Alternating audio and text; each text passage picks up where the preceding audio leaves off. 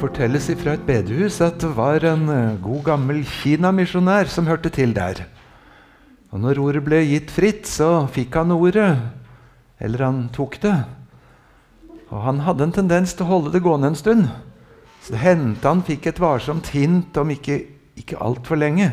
Nei, nei, nei, nei, sa han. Ikke for lenge, men gi meg ett sekund for hver kineser, sa han. Han hadde så mange på hjertet.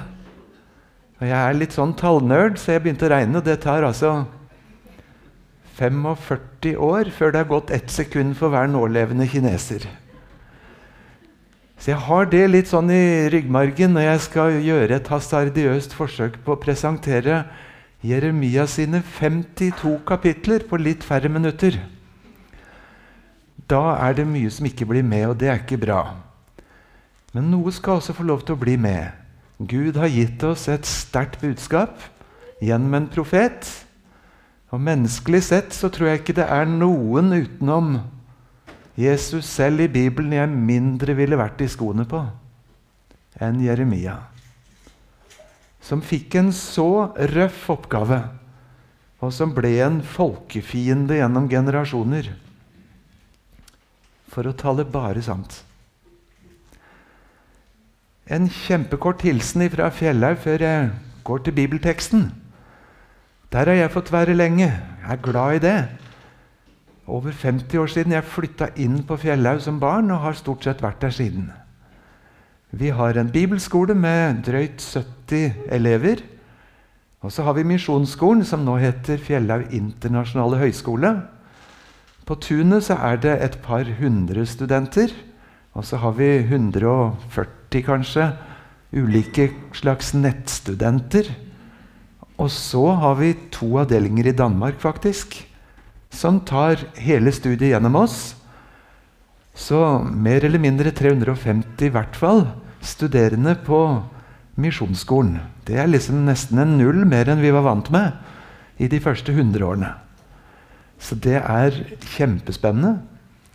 Og likevel så er tall egentlig ikke så mye hvis det ikke var for mennesker, hjerter, anledninger, muligheter. Og ganger du hver med en hel evighet, så er det store tall.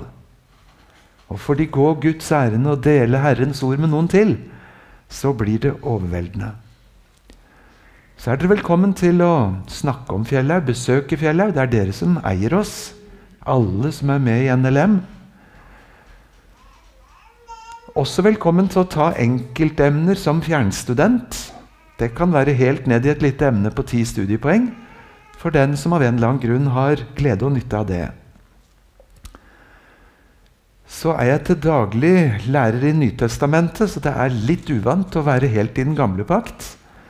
Jeg har litt mer på hjertet fra NT og har skrevet litt om det i en bok som heter 'Løsepengen Jesus'. For 50 kroner kan dere kjøpe den her framme etterpå. Da får dere også med en av kona mi sine kakebøker. En velsmakende bok. Hvis dere vil det. Ord av Jeremia, sønn av Hilkia, en av prestene i Anatot i Benjaminlandet. Herrens ord kom til ham i de dager da Josia, sønn av Ammon, var konge i Juda, i det trettende regjeringsåret hans og i de dager da Jojakim, sønn av Josia, var konge i Juda, helt til slutten av det ellevte året da Sidkia, sønn av Josia, var konge i Juda, da Jerusalem ble ført i eksil i den femte måneden. Det var ganske mye historietime på tre, minutter, på tre vers.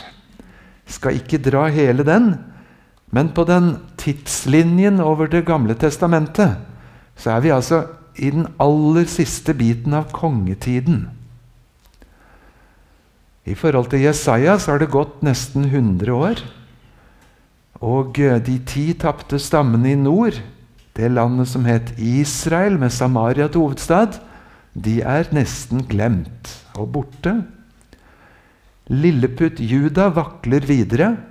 Den ene stormakten kommer, og den andre går. På denne tiden er det babylonerne som regjerer.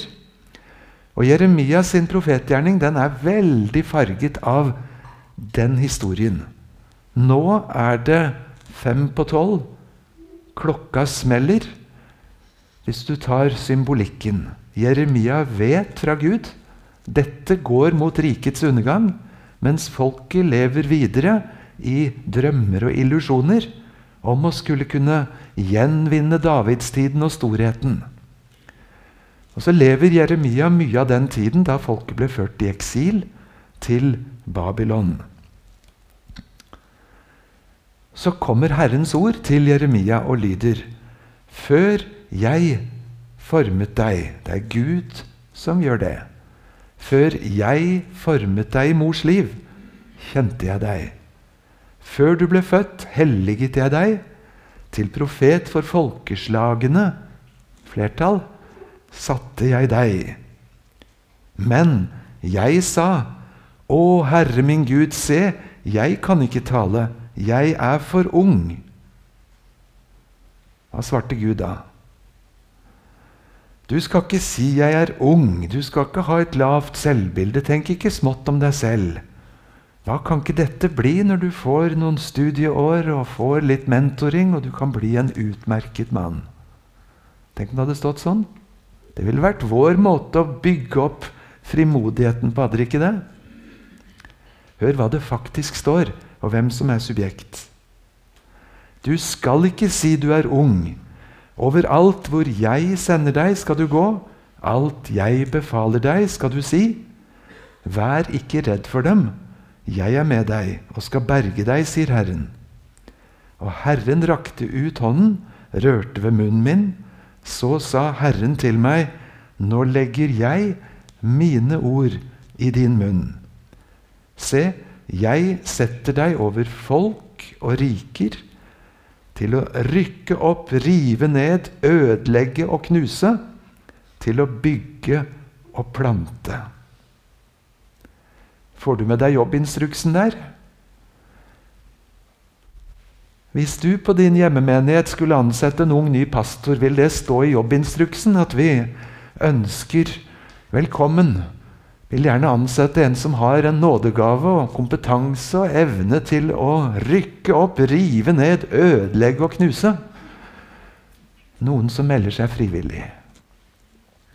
Fire sånne negative ord, men også til å bygge og plante. Profetenes gjerning i det gamle pakt, det er røffe saker. Hvem gjør dette? Herrens ord kom til meg. Hva ser du, Jeremia? Jeg svarte, jeg ser en grein av et våketre. Da sa Herren til meg, godt sett, for jeg vil våke over mitt ord og sette det i verk. Vi bruker av og til uttrykket at Gud har betrodd oss sitt ord. Og Det er en flott uttrykksmåte som sier noe fint. Her er det nesten enda sterkere. Det er jeg som eier ordet. Jeg sender ordet. Jeg våker over det. Og så skal jeg gjennomføre det, fullbyrde det, sette det i verk. Hvor viktig blir da Jeremia, kan vi spørre. På en måte blir han jo helt uviktig, for Gud gjør det. Og på den annen side han gjør det gjennom denne tjeneren, som etter hvert ble så opprørsk. Før vi går videre, skal vi ta med oss en interessant liten passasje. For det er av og til vi har lurt på hvordan skrev de ned profetbøkene. Og det vet vi ikke noe om annet enn akkurat til Jeremia. Da kalte Jeremia til seg Barok, sønn av Neria. Jeremia dikterte, og Baruch skrev ned i en bokrull alle de ordene som Herren hadde talt til ham. Så ga Jeremia Baruch dette påbudet. Jeg er stengt inne, jeg kan ikke gå til Herrens hus, men du skal gå på en fastedag og lese opp Herrens ord fra bokrullen, den du skrev da jeg dikterte. Det skal du gjøre i Herrens hus mens folket hører på. Alle som kommer inn fra byene i Juda, skal du også lese opp for. Kanskje de da vil komme fram for Herren med sin bønn, vende om fra sine onde veier for stor er vreden og harmen som Herren har truet dette folket med. Og Baruk, sønn av Neria, gjorde alt det som profeten Jeremia hadde befalt ham. Han leste opp Herrens ord fra rullen i Herrens hus. Så her får vi høre om en sekretærtjeneste, at noen faktisk satt og gjorde skrivejobben. Og hvis en bokrull kostet en formue av en halv årsinntekt, så kunne de jo ikke overlate til hvem som helst å klusse og skrive og skrive feil og begynne på'n igjen. Så det var sikkert en logikk i det også. Så er det en annen episode hvor bokrullen til Jeremia ble lest opp for kongen, og han ble mer og mer sint ettersom han hørte hva det var. Og skar i stykker av bokrullen ettersom det var blitt lest opp, og pælma det på ilden så det brant opp. Og så trodde han hadde gjort Herrens ord til intet, gått opp i røyk. Og Så kommer Barok til Jeremia og forteller hva som er skjedd. Ja, ja, sett deg ned på nytt. Så skriver vi ned hvert eneste domsord om igjen. Og han føyet dessuten flere andre til. Så å stanse Herrens ord er ingen enkel sak. Det er en sånn historisk liten detalj om hvordan det gikk for seg, i hvert fall i dette tilfellet. Herrens ord kom til meg for annen gang. Hva ser du? Jeg svarte, jeg ser en kokende gryte og den heller hitover fra nord. Da sa Herren til meg, fra nord skal ulykken komme. Fra nord skal ulykken helles ut over alle som bor i landet. For nå kaller jeg på alle kongeslektene i nord, sier Herren. De skal komme og reise hver sin trone ved Jerusalems portåpninger, mot alle murene omkring og mot alle byene i Juda. Fra nord skal ulykken komme. Sånn så kartet ut på den tiden. Alt som er grønt, tilhører Babyloneriket. Og Babylon ligger mellom Kuwait og det sørlige Irak. For oss ser ikke det ut til å være nord sett fra Jerusalems ståsted. Men siden det bare er en ugjennomtrengelig ørken, den direkte linjen, så vil babylonerne alltid komme inn i Israel fra nord. Og Derfor kalles det fienden fra nord. Jeremia han sørget altså for å tale til hele folket. Still deg i porten til Herrens hus, Jerusalem altså. Der skal du rope ut dette ordet og si:" Hør Herrens ord, hele Juda, dere som går inn gjennom disse portene for å tilbe Herren. Så sier Herren over hærskarene, Israels Gud, gjør veiene og gjerningene deres gode, så vil jeg la dere bo på dette stedet. Stol ikke på de falske ordene Herrens tempel, Herrens tempel, Herrens tempel. For det gjorde de, altså. Så stolte over å ha Herrens tempel. Vers 9. Dere stjeler, slår i hjel, bryter ekteskapet, sverger falskt, tenner offerild for Baal, følger andre guder som dere ikke kjenner. Og så vil dere komme og stå for mitt ansikt i dette huset, som navnet mitt er, ropt utover og si:" Vi er frelst, selv om dere gjør alt dette som er avskyelig. Er det blitt en røverhule i deres øyne, dette huset som navnet mitt er ropt utover? Også jeg kan se, sier Herren. Blir man populær av å si sånt? På en av de store festdagene, tenk oss en julaften med fullsatte kirker, så står det en opp og sier Dere stjeler, dere lyver, dere sverger falskt. Dere krenker de andre. Og så toger dere inn i kirken og sier 'Vi er frelst'. For her er Herrens hus, Herrens hus, Herrens hus. Nei, dommen fra Gud kommer over dere. Sånn talte Jeremia. Og så er det blitt så galt. Det handler bl.a. om lederne. Prestene spurte ikke 'Hvor er Herren?' De lovkyndige kjente meg ikke. Hyrdene satte seg opp mot meg. Og profetene, massevis av dem, profetene profeterte ved Baal. Og de fulgte dem som ikke kan hjelpe. Lettvint helbreder de bruddet hos folket, min datter. De sier, Fred, fred. Men det er ikke fred. Men de sier det, og blir populære. De hadde sine teologer. Men hvordan, spør Jeremias, hvordan kan dere gå rundt og si 'Vi er vise, for vi har Herrens lov'? For se, de skriftlærdes falske penn har forfalsket den. De vise blir til skamme, de blir slått av skrekk og fanget. For de har jo forkastet Herrens ord, og hva er da deres visdom? Det kortet der bildet på veggen der, det fikk jeg av Hans Kvalbein, min gode lærer og venn. Da jeg hadde fullført doktorgraden og skulle gratuleres litt med det. Kjære Sverre, velkommen blant skriftlærde og farisere. Den tar det tid å svelge. Hvem sitter på Moses stol?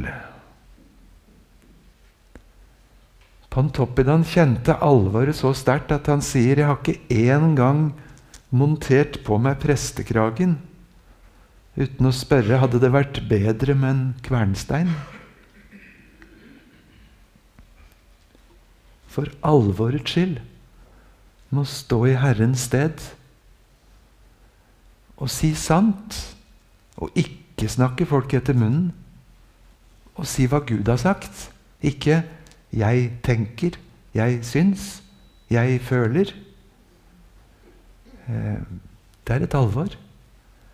Det alvoret og den skrustikka, den kjente Jeremia når Gud dro til skrustikka så hardt at han satt dønn klemt.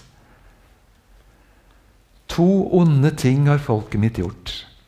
De har forlatt meg, kilden med levende vann.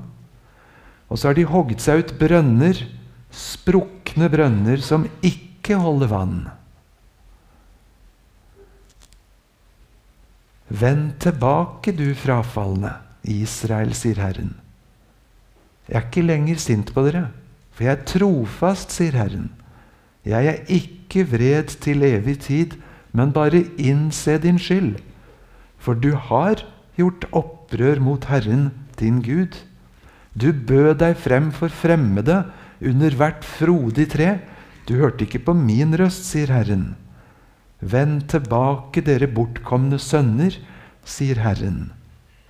Vend tilbake, bortkomne sønner, så skal jeg helbrede deres frafall.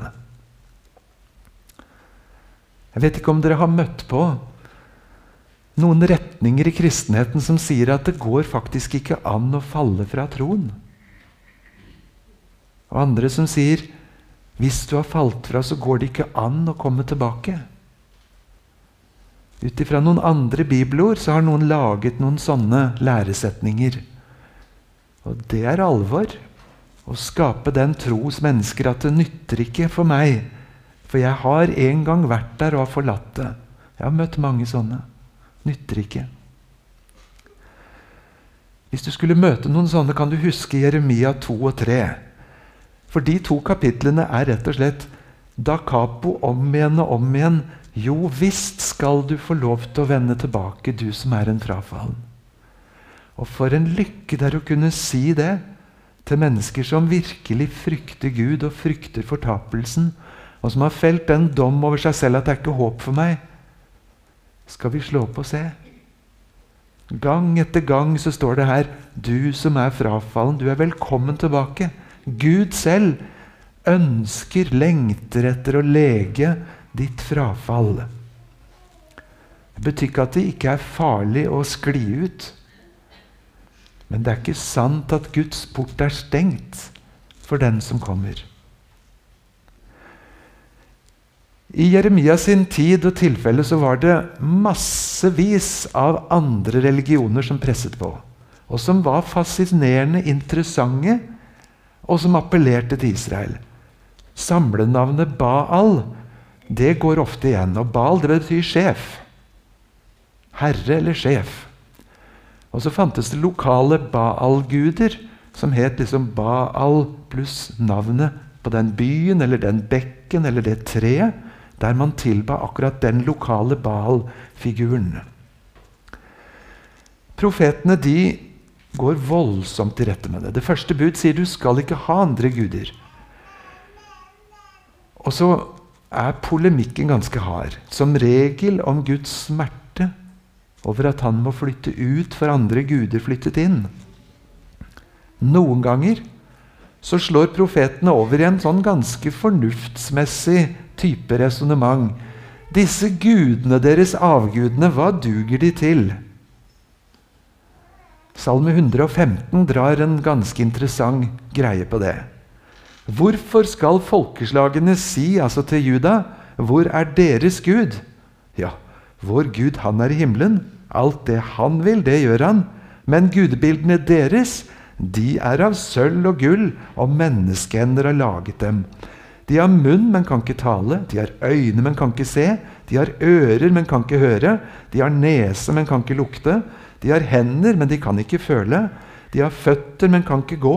De har ikke lyd i strupen. Og slik blir også de som lager dem. Alle som setter sin lit til dem. Nei, stol på Herren, Israel. Han er deres hjelp og skjold. For oss høres dette helt streit ut. Logisk, vi er en haug med rasjonalister alle sammen, er jo ikke det nesten? Men for dem som trodde det lå guddomsmakt i hver eneste figur, så var det voldsomt å slynge ut sånne beskyldninger. At ikke de duger, at ikke de kan. Men profetene de drar dette videre ganske voldsomt. Gudene kunne være vakre å se på, produsert dyktig av flinke håndverkere. Det sier Jesaja. Applaus til håndverkerne, så flinke de har vært til å hogge tre og skjære til, utforme trestokkene. Og sølvsmeden og gullsmeden, også de som malte. Utmerket håndverk. Men det er ikke noe Gud. Restene av det de ikke brukte av treet for å lage den gudegreien, det bruker de til fyring og koke seg mat på. Og så skulle samme materiale kunne brukes til to så ulike ting. Avguder kan være vakre å se på. Sånn kan det se ut i Japan. Porter i nærheten av et shinto-tempel som skiller alminnelig område fra det rene land, fra gudenes land, det hellige området. Og Hvis det er veldig hellig, så lager de en sjudobbel port, kanskje. Så du markerer deg inn. For øyet kan det være vakkert å se. Selv om det noen ganger er dårlig vedlikeholdt der også. Og så vakler hedenskapet, og du er nesten redd for å få en port i hodet når du går gjennom. Selve figuren her, selve layouten, den er Jeg syns den er vakker å se på. Men jeg vet ikke om jeg har noe bilde av alle bilder på PC-en som jeg syns er grufullere å se på enn dette.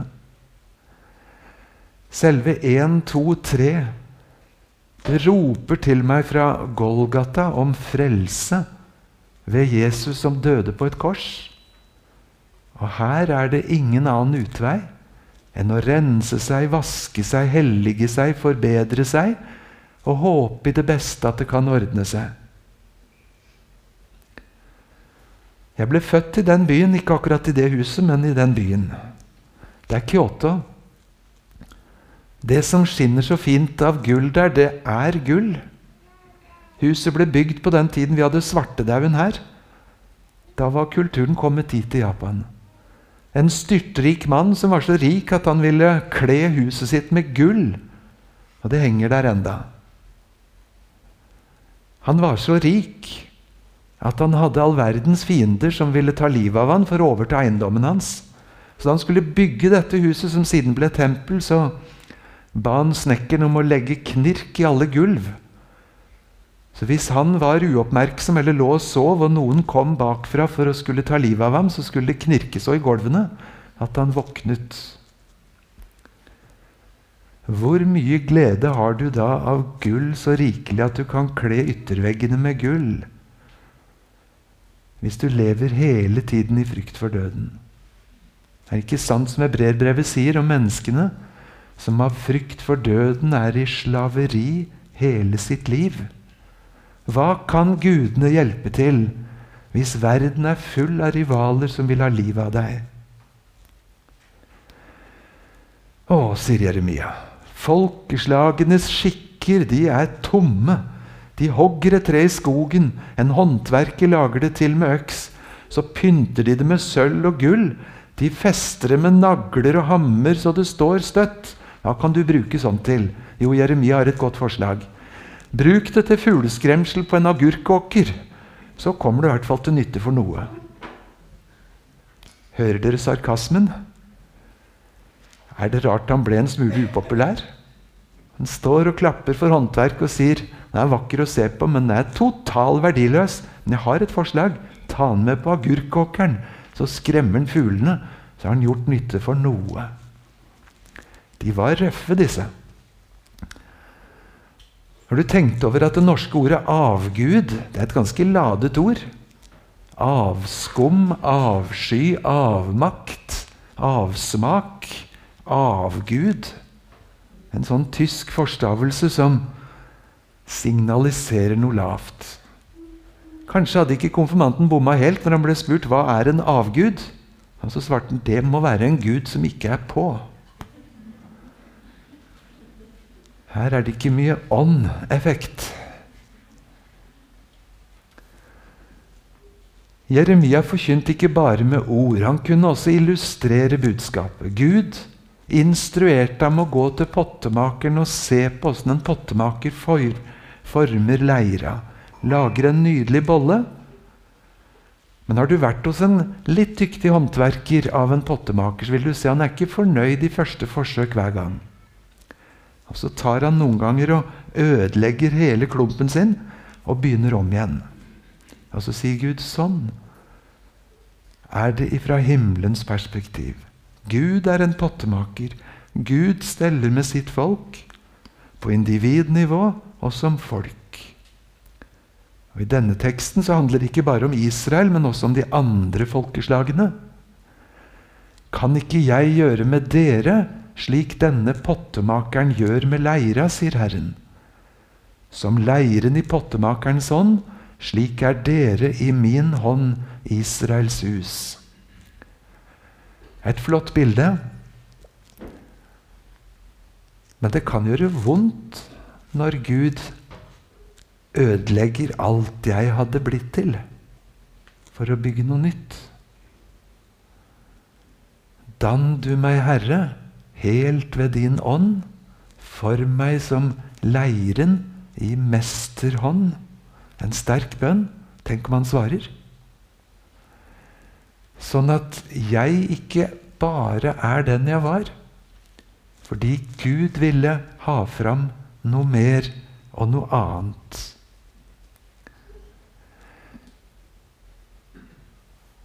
Og så har Jeremia som de andre profetene mye å si om synd. Hvor dypt ligger den inngravert?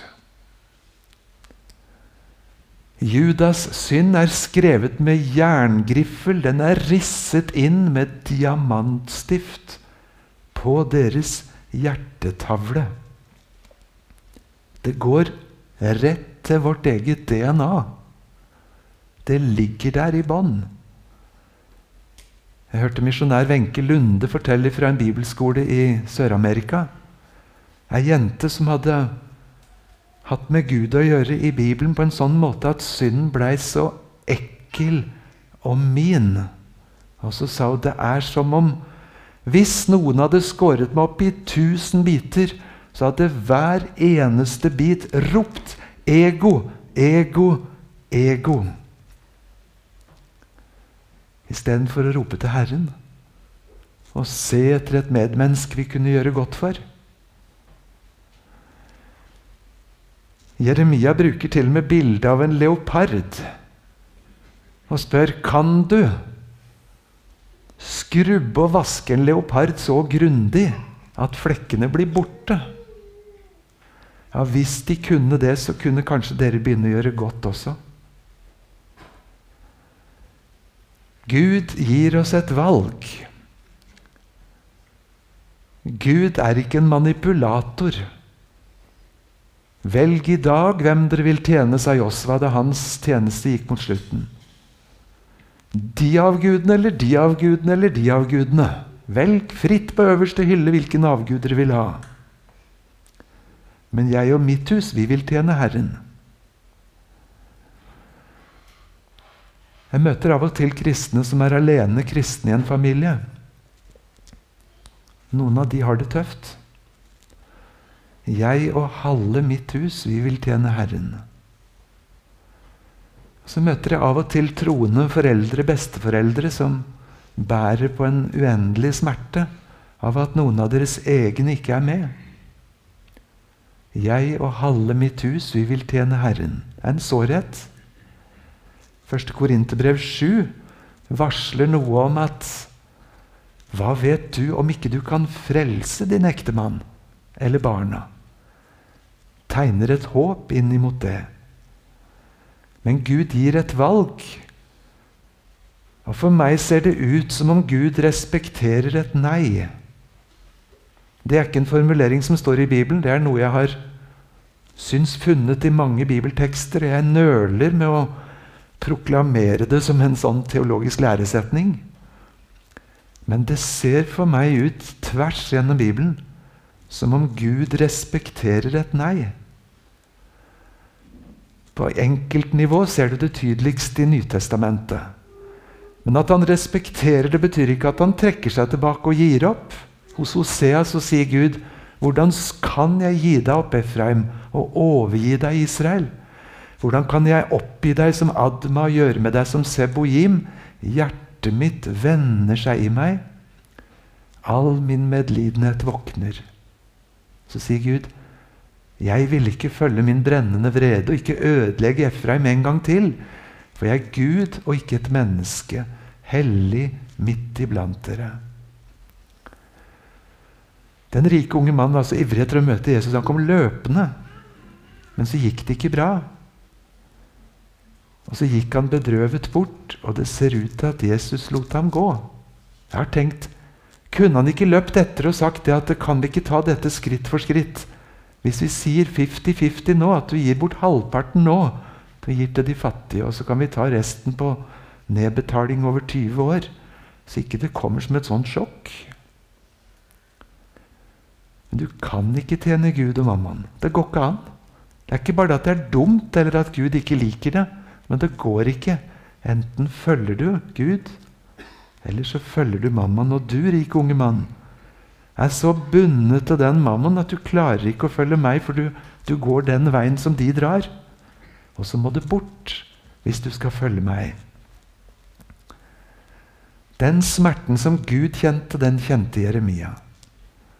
Og Det setter han så ærlige ord på. Han sier til Gud, 'Jeg fant dine ord, og i første omgang så åt jeg dem.'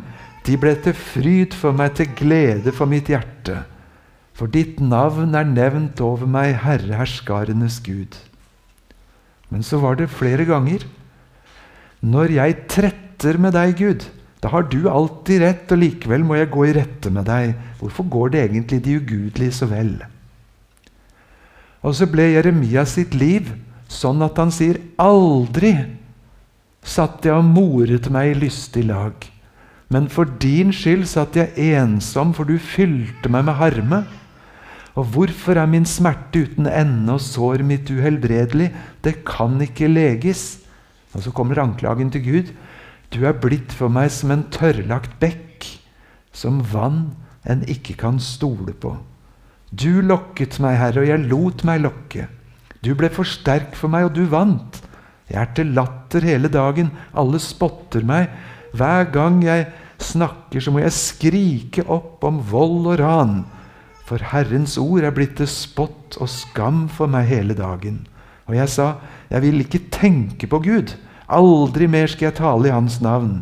Men da var det som om det brant en ild i mitt hjerte. Den var innestengt i knoklene. Jeg strevde for å stå imot, men jeg greide ikke. Satt dønn klistra, for Gud hadde grepet ham. Og så blir livet så svart at han sier, 'Ved meg, og mor, at du fødte meg.' 'Jeg er en mann i strid og trette med hele landet.' 'Jeg har verken gitt eller tatt opp lån, og enda forbanner de meg alle sammen.' Hadde vi tid, så kunne vi lese en sånn forbannelse nøyere ut i kapittel 20.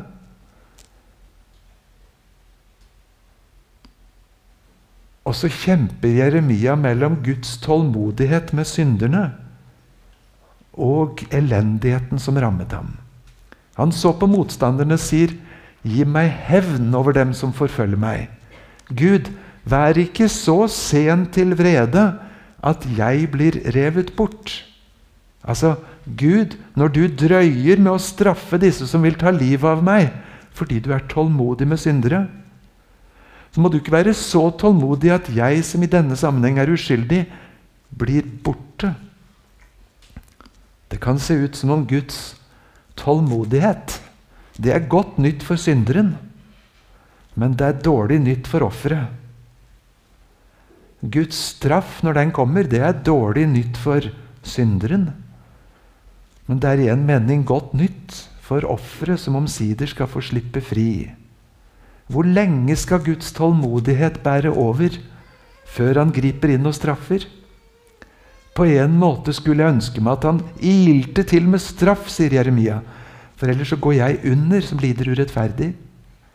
Og på den annen side, hvem ber Gud om å gripe inn til straff?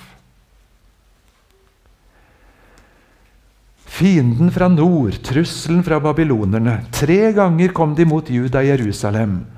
De bortførte folket puljevis, først lederne. Men i de årene som var mellom disse tre babylonske besøkene, så vokste illusjonen om at vi likevel kan gjøre opprør mot Babylon og bli et selvstendig rike. Men Jeremia sa konsekvent nei. Nå er det Gud som er blitt vår fiende. Og det er Gud som vil la babylonerne seire over oss. Å kjempe mot babylonerne er nytteløst uten omvendelse. Og så kom katastrofen 587 før Kristus. Nebukadnesar med babylonerne inntar Jerusalem, brenner ned tempelet, bortfører de fleste av folket. Og så får vi 70 års fangenskap i Babylon. Jeremia fikk likevel bli igjen i Jerusalem. Mens f.eks. unge folk som Daniel og Esekiel de ble ført bort i eksil. En gang Jeremia hadde sagt til folket at 'nå ser dere babylonerne beleirer oss'. Skal vi bare gå ut og overgi oss, eller skal vi slåss for selvstendighet og frihet? Og kongen sa vi skal slåss. Og rikelig med falske profeter sa det kommer til å gå bra. Nei, sa Jeremia, det går ikke bra.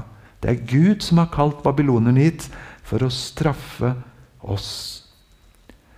Da ble Jeremia utpekt til landssviker. Du tar motet fra soldatene. Vi ber dem slåss for folk og fedreland, og du sier bare legg våpnene ned og overgi dere. Og så vil de kaste Jeremia i brønnen. Og brønnen var av typen nesten tom for vann, det er bare gjørme igjen. Og Jeremia synker i gjørmen dypere og dypere og ser bare et lite hull av lys der oppe. Setter seg så fast i gjørma at når til slutt en ikke-israelitt ber for hans liv og får lov til det, så skal det 30 mann til for å dra tauet som får han løs av gjørma, og får ham opp. Det var ikke eneste gangen han var i livsfare. Disse falske profetene de kom i rikelig antall. Men hva er det de driver med?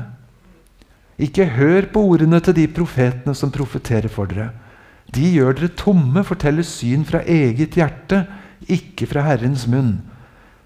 De sier til dem som forakter meg, at Herren sier, dere skal bare ha fred. Til alle som følger sitt egenrådige hjerte, ikke noe vondt skal komme over dere. Men hvem av dem har vært med i Herrens råd og sett og hørt Hans ord? Hvem av de falske profetene lyttet og adlød det? Hadde vi hatt nok tid, sånn som jeg er vant med på Fjellhaug, når vi har 40 timer over en profet, kanskje, så kunne vi lest tekst for tekst. Falske profeter som står fram som folketalere og sier 'Jeg har drømt, jeg har drømt, jeg har drømt'. Så sier Jeremia ja, men det er jo fint at du har en dream. Da får du kalle det en dream. Men hvis du har et ord fra Herren, så blir det noe annet. Hvem er de falske profetene, spurte Pontoppidan, som Jesus advarer mot? Det er sikkert mange slag, svarer han, men først og fremst er det dem som gjør veien til himmelen brei, og som bedrar menneskene med håp om salighet helt til de våkner i helvete. Ja, men skal ikke en prest trøste alle mennesker? Nei, svarer Pontoppidan. Å trøste sikre syndere det er å gi sjelen gift. Her er det enten-eller, og det er en kamp. Og På noen måter så klarer han ikke å lese Jeremia bare som fortid. Vi står i en kamp, og djevelen kjemper hos oss som andre steder. Frontene kan være ulike. Men det ligger meg på hjertet å si at Kirken tilhører Gud. Jeg vet det var godt ment da Kirkerådet i 2011 lanserte T-skjorter som sa Hva slags kirke vil du ha? Underforstått kom og vær med oss dem. Så får du prege og påvirke sånn som du vil ha den. Så får du den kirken du vil ha. Jeg skjønner den gode hensikten. Jeg ser det gode smilet hans. Men det er likevel noe som skurrer her. Skulle vi ikke spørre hva slags kirke vil Gud ha? Kan Gud komme i mindretall? Nå tenker jeg ikke på Den norske kirke spesielt, men i sine kirker verden over, i Misjonssambandet for den saks skyld, i mitt eget liv. Kan Gud komme i mindretall, stemt ned av at jeg ville det annerledes? Leser du profetene, så ser du at det har hendt noen ganger. Paulus skrev et helt brev til Timotius og sa nå har jeg skrevet dette brevet til deg for at du skal vite hvordan du skal ferdes i Guds hus. Etter mange år som Paulus' assistens måtte han få et helt brev for å vite hvordan går jeg fram i Guds hus. For det er Guds sitt hus. Det er ikke mitt. Søren Kjerkegaard han sier et sted om Luther du har dog et uhyre ansvar, for når jeg ser nærmere etter, så ser jeg tydeligere og tydeligere at du styrtet ned paven, og så satte du publikum på tronen. Det syns jeg er en urettferdig dom over Luther. Han satte Guds ord på tronen. Han satte det allmenne prestedømmet inn istedenfor det der elitestyret som var. Og likevel tror jeg skjønner poenget der. Ikke paven skal bestemme for alt og alle. Men blir det publikum som overtar? Vi hører at på et eller annet nivå så blir det feil.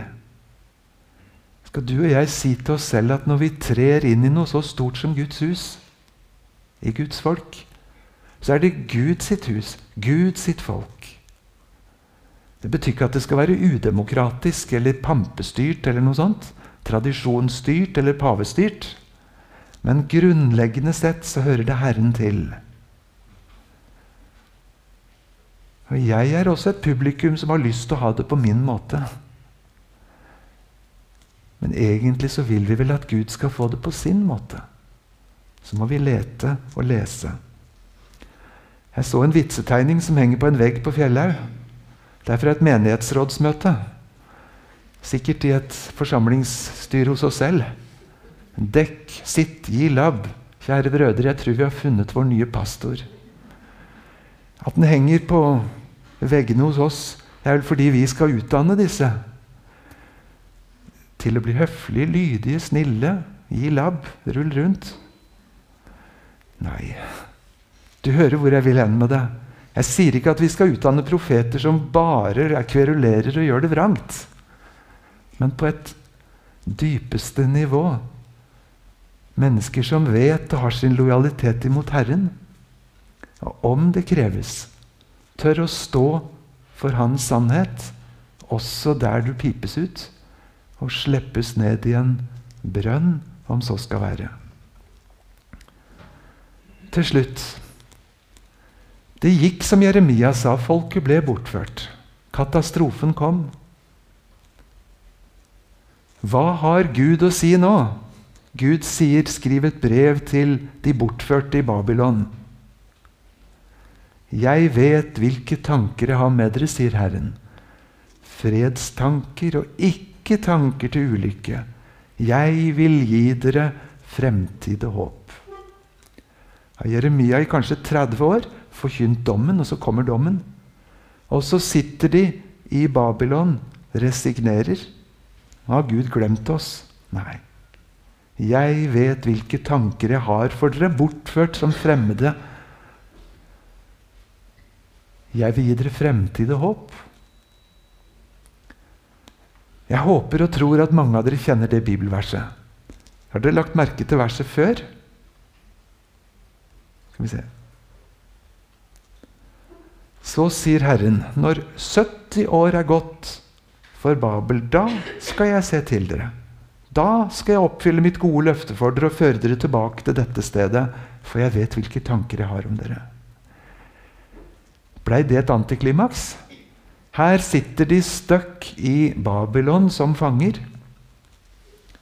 Har Gud glemt oss? Nei, han har ikke glemt oss. Godt nytt fra Herren. Han skal fri oss ut om 70 år.